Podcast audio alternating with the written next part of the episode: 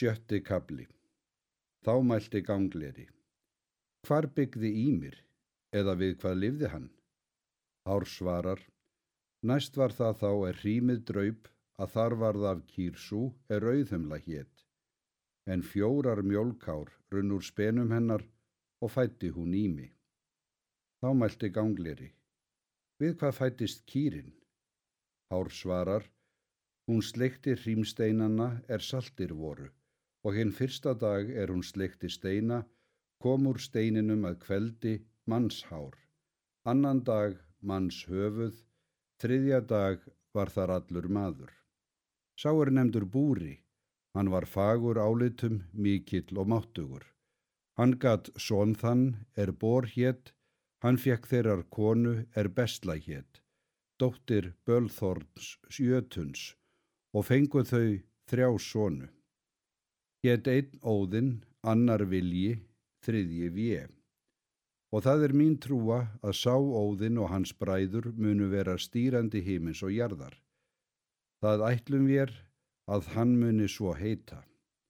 Svo heitir sá maður er við vitum mestan og ágætastan og vel megi þér hann láta svo heita. Sjöndi kabli Þá mælti gangleri. Hvað var þá um þeirra ætt eða hvorir voru ríkari? Þá svarar hár. Sinir bors drápu ími jötun, en er hann fjell, þá hljóf svo mikið blóð úr sárum hans að með því drektu þeir allri ætt hrímþursa nema eitt komst undan með sínu hiski. Þann kalla jötnar bergelmi. Hann fór upp á lúður sinn og kona hans og helst þar og eru af þeim komnar hrímþursa ættir, svo sem hér segir. Örófi vetra, áður væri jörð of sköpuð, þá var bergelmir borin, það ég fyrst of mann, er sá hinn fróði jötun, ávar lúður of lagður. Áttundi kabli Þá segir gangleri Hvað höfðust þá að bors sínir ef þú trúir að þeir séu Guð? Ár segir, eigi er þar lítið af að segja. Þeir tóku í mig og fluttu í mitt ginnungagap og gerðu af honum jörðina, af blóði hans sægin og vötnin. Jörðin var gjör af holdinu en björgin af beinunum. Grjót og urðir gerðu þeir af tönnum og jökslum og af þeim beinum er brotin voru. Þá meldi jafnár. Af því blóði er úr sárum rann og laust fór, þar af gerðu þeir sjá þann er þeir girtu og festu saman jörðina og lögðu þann sjá í ringu utanum hana. Og mun það flestu manni ófæra þykja að komast þar yfir. Þá meldi þriðji. Tóku þeir og haus hans og gerðu þar af híminn og settu hann upp yfir jörðina með fjórum skautum og undir hvert horn settur þeir dverg. Þeir heita svo, austri, vestri, norðri, söðri. Þá tóku þeir síjur og gnista þá er lausir fóru og kastað hafði úr múspels heimi og settu á miðjan ginnunga heimin, bæði ofan og neðan til að lýsa heimin og jörð. Þeir gáfu staðar öllum eldingum, sumum á himni, sumar fóru lausar undir himni og settu þó þeim stað og sköpuðu göngu þeim. Svo er sagt í fornum vísindum að þaðan af voru dægur greind og áratal svo sem segir í völusbá. Sól það nýja vissi, hvar hún sali átti, mánið það nýja vissi, hvað hann megins átti, stjörnur það nýja vissu, hvar þar staði áttu. Svo var áður en þetta væri ofjörð. Þá mælti gangleri. Þetta eru mikil tíðindi er nú heyri ég. Förðu mikil smíð er það og haglega gert. Hvernig var jörðin háttuð? Þá svarar hár. Hún er kringlótt utan og þar utanum liggur hinn djúpi sjár og með þeirri sjávarströndu gáði þeir lönd til byggðar jötna ættum. en fyrir innan á jörðinni gerðu þeir borg umhverfis heim fyrir ófríði jötna. En til þeirrar borgar höfðu þeir brár Ímis jötuns og kölluðu þá borg miðgarð. Þeir tóku og heila hans og köstuð í loft og gerðu af skíin svo sem hér segir. Úr Ímis holdi var jörð of sköpuð en úr sveita sjár björgur beinum, baðmur úr hári en úr hausi heiminn. En úr hans brám gerðu blíð reygin, miðgarð manna sónum, en úr hans heila voru þau hinn harðmóðgu skí öll of sköpuð.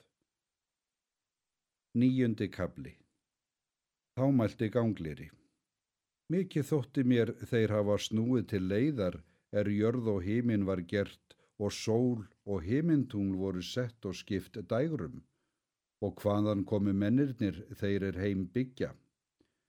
Þá svarar hár.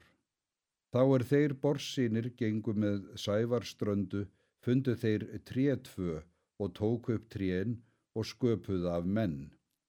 Gaf hinn fyrsti önd og líf, annar vit og hræring, þriði ásjónu, málið og hyrn og sjón, gáfu þeim klæði og nöfn. Hétt karlmaðurinn askur en konan embla og óluðst þaðan af mannkindin þeim er byggðin var gefin undir miðgarði. Þar næst gerðu þeir sér borg í miðjum heimi er kallað er áskarður. Það köllum við trjóa. Þar byggðu guðin og ættir þeirra og gerðust þaðan af mörg tíðindi og greinir bæði á jörðu og í lofti.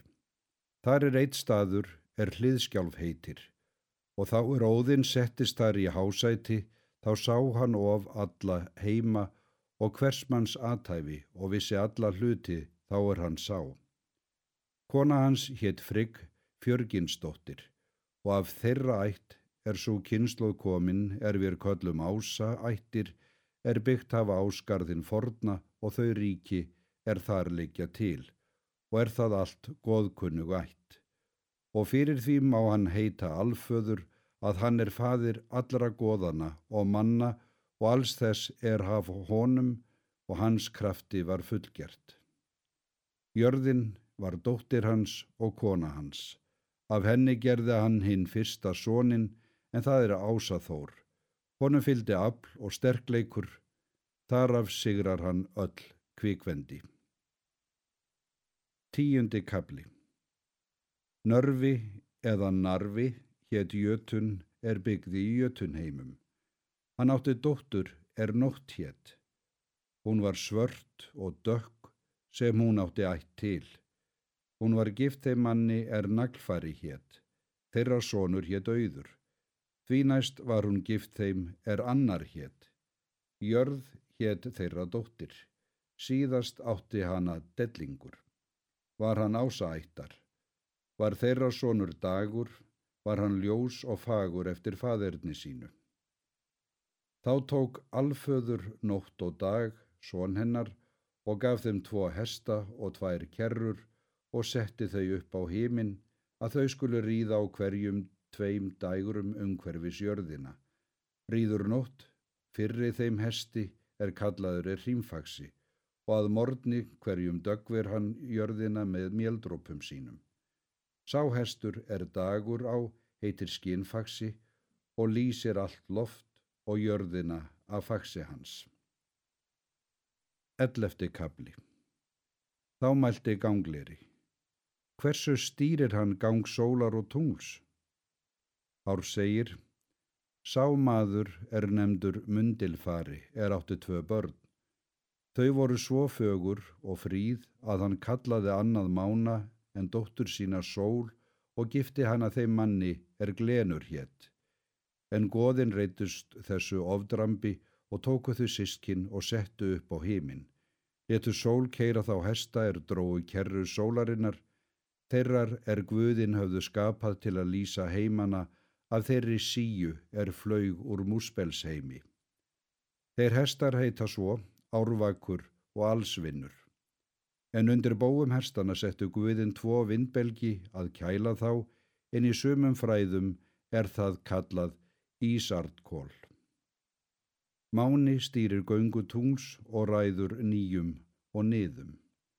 Hann tók tvö börn af jörðu er svo heita, Bil og Hjúki, er þau gengu frá brunni þeim er Birgir heitir og báru á aukslum sér sá er heitir Sægur, en stöngin Símul.